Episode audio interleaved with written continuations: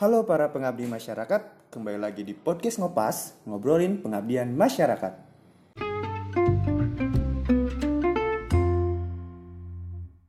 Halo semuanya, balik lagi bareng aku Adit di episode Ngopas kali ini.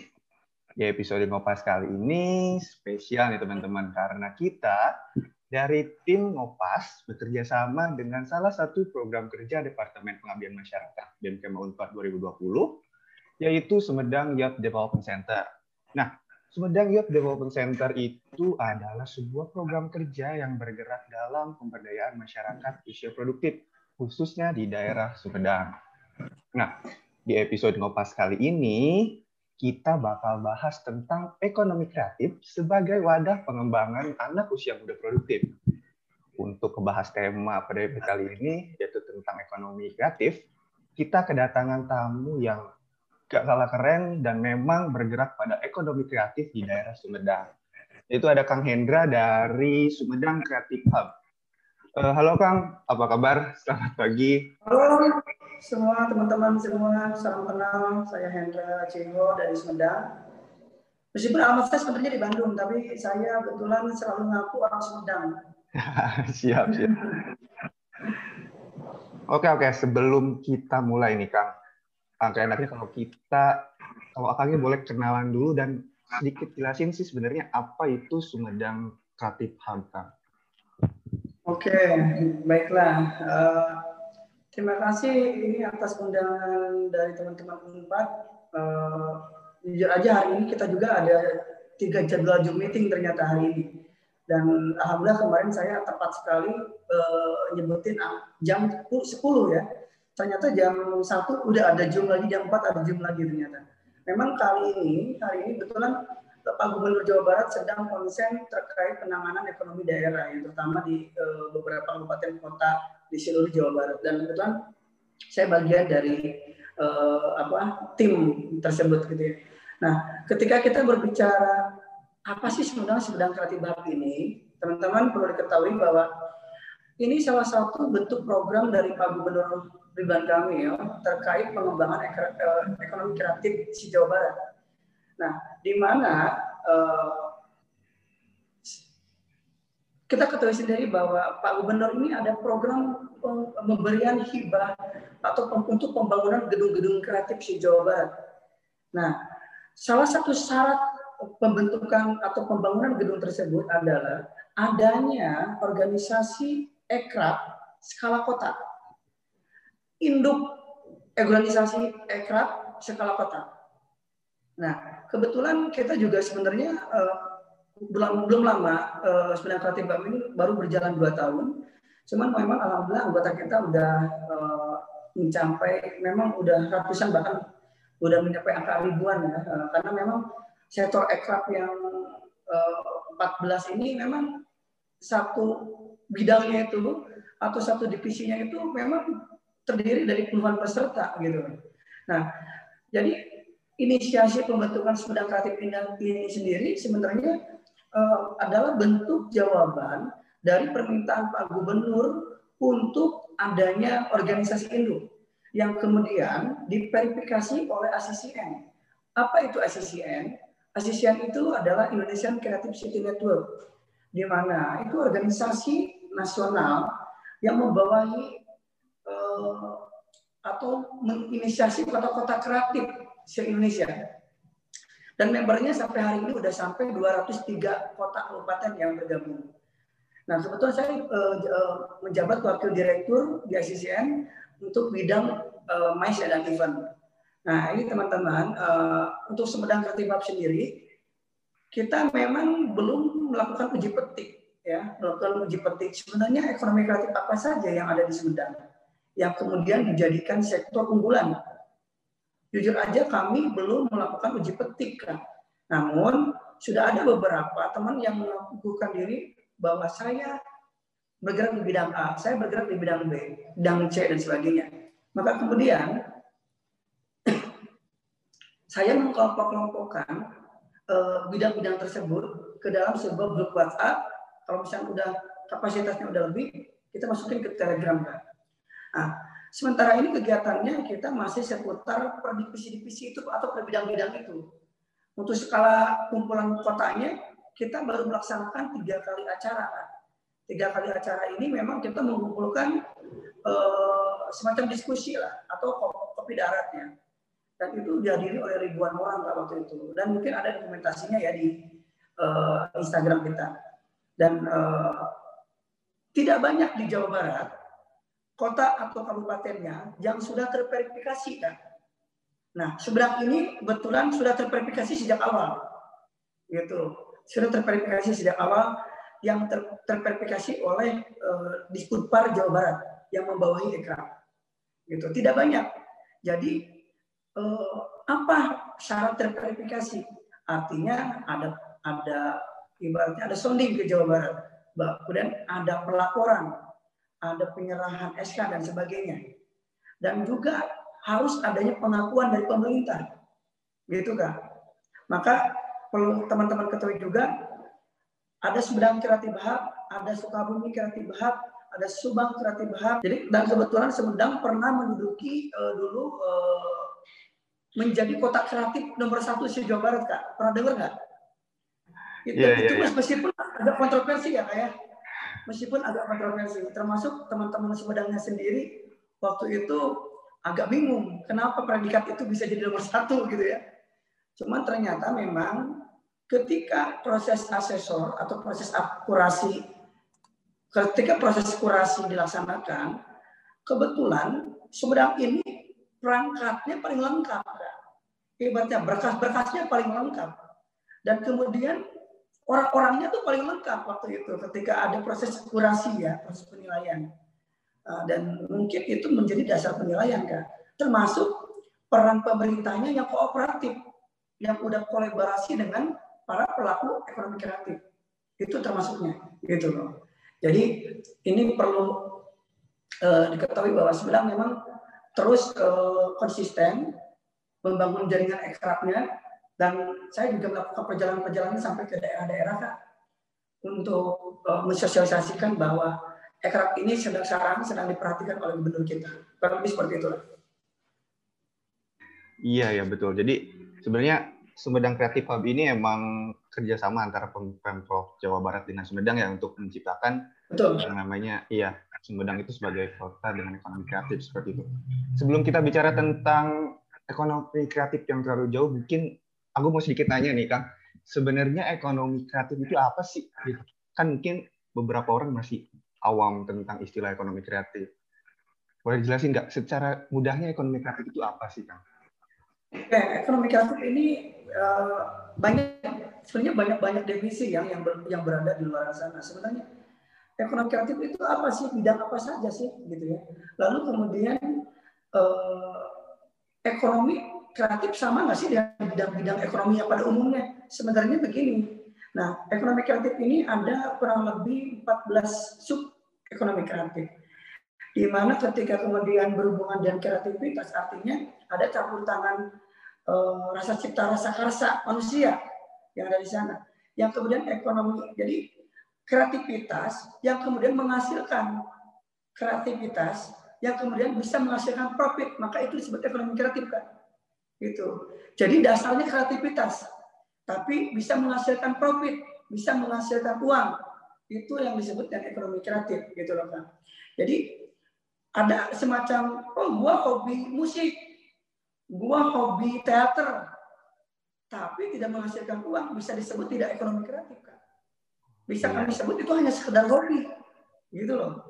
Jadi yang bisa disebut ekonomi kreatif itu adalah jika udah diverifikasi itu menghasilkan uang, maka saya bedakan kak e, golongan teman-teman ini. Ada yang merasa bahwa kak boleh nggak skateboard masuk ke ekonomi kreatif? Skateboard menghasilkan uang nggak? Saya pikir. Oh enggak ini sudah hobi. Saya pikir jangan dulu deh. Eh, skateboard bisa dimasukkan ke dispora, saya bilang ke bidang olahraga.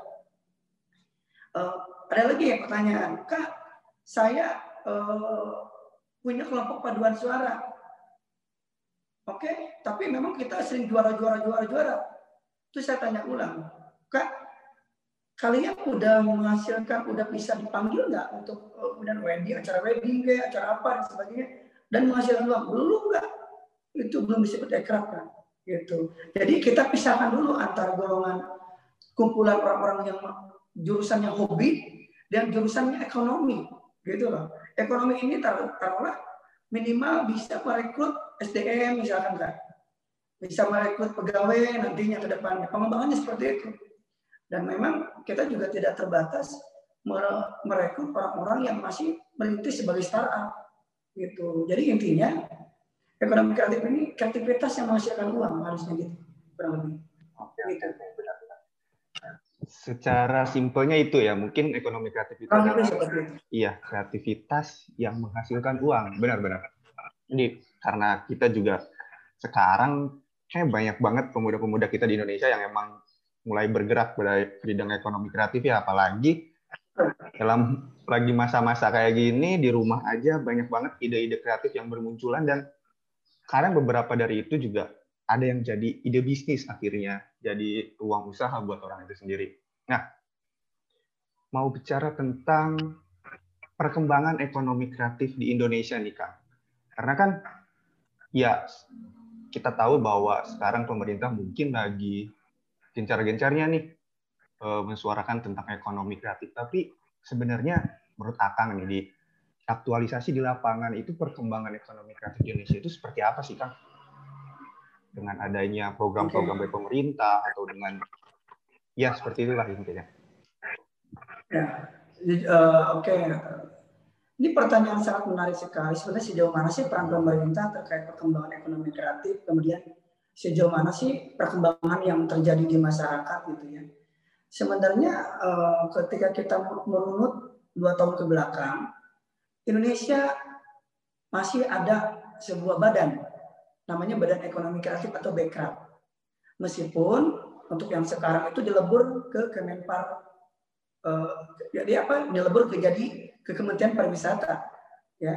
Jadi teman-teman eh, banyak peran pemerintah dalam hal ini uh, terkait kemajuan ekraf dan ini tidak bisa dianggap sebelah mata ya. Memang banyak juga program-program pemerintah yang di mana uh, saya di sini bukan bicara sebagai pemerintah, saya aktivis ya, saya memang kritikus juga.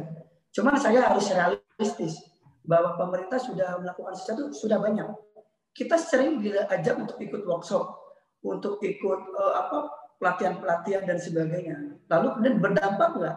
Berdampak ada, yang tidak berdampak juga banyak. Dalam artian gimana kitanya Kak sebenarnya. Nah, sejauh ketika kita berbicara sejauh mana perkembangannya, sebenarnya kalau kita berbicara angka ekonomi kreatif ini sudah sangat menyumbang eh, apa eh, APBD itu luar biasa angkanya Kak. Kalau spesifik angkanya saya memang eh, agak agak lupa ya. Tapi memang udah mencapai angka tenggo angka, angka triliunan untuk ekraf ini. Dan akhirnya kenapa Pak, eh, Pak Presiden kita sangat care dengan kaum milenial gitu. Karena apa? Karena memang eh, industri kreatif ini sungguh sangat menjanjikan nggak, terutama di sektor makanan dan fashion gitu ya. Sektor makanan dan fashion ini memang tidak bisa dianggap sebelah mata. Fashion kita udah ekspor kak, apalagi eh, fashion yang berhubungan dengan eh, hijab ya. Ekspor makanan pakaian muslimah itu luar biasa kerennya nggak di luar negeri. Itu banyak produk dari Indonesia.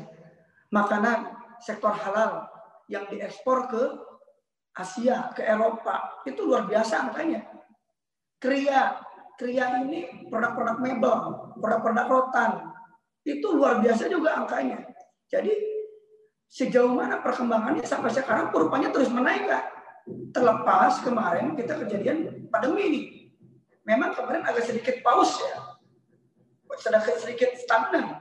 Cuman sekarang katanya menurut data yang kemarin kita diskusi, datanya sekarang udah mulai uh, menaik lagi lah, udah mulai relatif stabil lagi. Jadi angka yang diberikan oleh para pelaku industri kreatif ini sungguh sudah bisa dianggap sepele. Angkanya luar biasa sungguh lah eh, saya juga agak kaget juga ya ketika melihat empirik secara empiris angkanya sampai bertenggo-tenggo kak gitu luar biasa. Jadi ini sangat menjanjikan. Kurang lebih seperti itu. Iya. Eh, data yang saya baca juga memang katanya eh, ekonomi kreatif itu memang menyumbang cukup besar ya bagi pendapatan negara. Benar kata Kang Hendra tadi bisa sampai angka tenggo benar triliunan yang saya baca juga. Nah, dengan hal yang semenjanjikan itu pasti ekonomi kreatif juga punya resiko nggak sih kan bagi kita sebagai pelaku usahanya atau bagi kita sebagai produsen. Nah, kira-kira nih Kang, tantangan dari kita sebagai pelaku usaha di dunia ekonomi kreatif itu apa aja sih Kang? Oke, tantangan yang paling simpel itu, yang paling klise itu adalah kita tuh kadang sangat terlalu kreatif kan, sangat terlalu kreatif. Sedangkan kita tidak pernah mengecek pasarnya ada atau tidak. Gitu loh. Kita terlalu sibuk menciptakan inovasi, tapi kita tidak pernah menginvestasikan ilmu kita bagaimana cara meriset pasar, riset permintaan. Gitu loh. Jadi kebanyakan inovasi, tapi pasarnya nggak ada. Nah, jadi permasalahannya klise sekali. Mereka jago membuat, tapi nggak jago menjual. Jadi eh, banyak masalah yang terjadi di pelaku ekraf itu adalah kesulitan how to sellingnya, kesulitan bagaimana cara menjualnya, gitu. Mereka kadang tidak dibekali ilmu-ilmu cara marketing, cara menjual, gitu loh. Dan itu sangat klise sekali. Itu padahal produk-produknya bagus. Yang yang menang siapa Kak? Biasanya itu orang kedua, orang ketiga. Produsennya biasanya harganya murah. Dibeli sama pemain besar. Oh dari lu harga lima ribu gua jual, ternyata end usernya bisa sampai dua puluh ribu. Gitu loh Kak. Padahal produsen tersebut bisa sangat goal jika menguasai cara menjualnya. Maka saya punya tagline seperti ini Kak. Bukan seberapa hebat produk kita, tapi seberapa hebat cara jualan kita. Gitu loh maksud saya. Gitu. Jadi apa pun produknya yang penting jualan kita keren atau enggak gitu loh. Pasarnya ada atau enggak gitu. Kurang lebih seperti itu. Tantangannya adalah how to selling sebenarnya gitu. Iya iya iya benar banget sih. Setuju banget tuh tadi dengan statement kan Enda tentang bukan seberapa keren barang kita tapi seberapa jago kita menjual barangnya ya. Karena ya percuma punya barang Betul. bagus, percuma punya barang ya. keren, tapi kita nggak bisa ngejualnya terus buat apa buat kita gitu hasilnya. Iya, nah, betul. betul. Oke. Dengan tantangan seperti itu nih kan mungkin karena kan ekonomi kreatif ini cukup banyak dilirik nih oleh pemuda-pemuda Indonesia gitu, anak-anak muda sekarang. Nah, betul. dari Kang Hendra mungkin dari orang yang memang sudah berkecimpung di dunia kreatif, tips and trick kita nih sebagai pemuda atau ya anak muda untuk memulai untuk terjun di dunia ekonomi kreatif itu apa sih Kang sarannya atau tipsnya gitu? Oke, okay. okay, uh, eh, sebenarnya yang pertama uh, ini paling dasar banget adalah kita tertarik ke bidang apa dulu nih, gitu ya. Kita tertarik ke bidang apa dulu, yang kemudian fase untuk meraih profit itu ada ada tiga fase, Kak. Gitu ya. Sebut saja bahwa kita apakah kita mau mengikuti tren atau mau menciptakan tren? Atau bahkan melawan tren? Gitu loh. Itu kalau misalnya saya oh, olah ketika saya berbicara bisnis nih kayak ketika kemudian bagaimana cara menghasilkan produk dari produk ekonomi kreatif saya selalu mendahulukan dulu apa needs-nya apa kebutuhannya di mana pasarnya siapa nanti pasarnya gitu. Kemudian di mana nanti memasarkannya? Kurang lebih seperti itu. Jadi jadi ketika kemudian saya konsen bagaimana sih saya mau memulai, saya akan selalu melakukan riset terlebih dahulu. Apa sih ketertarikan saya? Nanti saya harus bagaimana dan sebagainya. Dan yang saya lakukan adalah saya harus mengikuti komunitas-komunitas kreatif sesuai dengan passion kita. Misalkan tadi seperti saya katakan bahwa di setiap kota daerah di Jawa Barat, sekarang sudah ada induk organisasi tersebut. Ya, induk kreatif eh, hub dari setiap kota dan kabupaten. Maka ikutilah organisasi tersebut, komunitas tersebut. Jadi secara tidak langsung kita banyak belajar dari pelakunya langsung kan. Bukan belajar dari buku lagi, bukan belajar dari dalam kelas lagi. Belajar dari pelakunya itu lebih greget gitu. Nah, setelah setelah masuk komunitas tersebut, maka kemudian kita bisa mendapatkan peluang-peluang opportunity opportunity yang gimana nantinya? Oh gue punya celah nih. Gue punya celah nih. Kurang lebih seperti itu. Jadi ibaratnya gini. AA pengen wangi sepanjang hari. Maka yang paling mudah itu yang paling simpel itu kakak gaul sama orang sama owner tukang toko parfum. Kan kurang lebih seperti itu. Kalau kakak pengen sukses kakak maka gaul dengan orang sukses. Kakak pengen soleh maka carilah gaul-gaul di masjid. Kurang lebih seperti itu maka kalau pengen ingin meningkatkan daya naluri kreativitas kita, maka sehingga kumpul-kumpul dan orang-orang kreatif kan, gitu. Kita akan terpacu terus gitu loh. Gitu. Makanya saya saya umur saya 35 tahun, tapi saya selalu merasa paling merasa muda terus kan. Karena memang gaul saya sama anak muda terus gitu loh. gitu. Senang aja gitu memang di dunia kreativitas ini. Gitu. Lebih seperti itu kan. Iya, oke okay, oke. Okay. Benar banget ya. Kita walaupun mau join dengan hobi kita dengan dia. Tapi kita perlu yang namanya riset gitu ya. Perlu yang namanya riset tentang sebenarnya produk kita tuh cocok apa enggak atau pasar itu mau dengan produk kita atau enggak. Dan yang kedua join komunitas. Aku setuju banget dengan kata-kata join komunitas ini karena di komunitas biasanya sharing-sharingnya itu tepat dan memang langsung dari lapangan dan memang aktual gitu di lapangan seperti apa kondisinya. Aku setuju banget nih. Nah mungkin Kang se karena kita juga terbatas waktu ya mungkin kita satu pertanyaan terakhir dari aku deh Kang. Harapan dari Akang pribadi untuk kita nih generasi-generasi muda atau untuk Kota Sumedang atau bahkan untuk bangsa Indonesia di hal ekonomi kreatif itu apa sih Kang? Oke, ini ya. Uh, jadi kita tuh tidak jangan pernah berhenti belajar lah ya. Uh, kita selalu target akan tujuan saya uh, saya paling senang kalau misalkan gimana sih rulesnya gimana sih rumusnya kalau misalnya kita pengen naik level gitu. Rumusnya itu adalah konsisten sebenarnya kan gitu ya. Konsisten dengan apa tujuan kita apa fokus kita apa target kita. Saya selalu bicara begini termasuk ke teman-teman di adik tingkat saya. Kamu kalau pengen menjadi seseorang jangan pernah bicara profesi saya bilang. Kamu bicara aja kosakatanya. Apa kosakatanya sukses, kaya, lancar, hebat, besar. Jangan bicara profesinya. Profesinya lu bisa apa aja gitu loh. Tapi ketika kemudian bicara kosakata,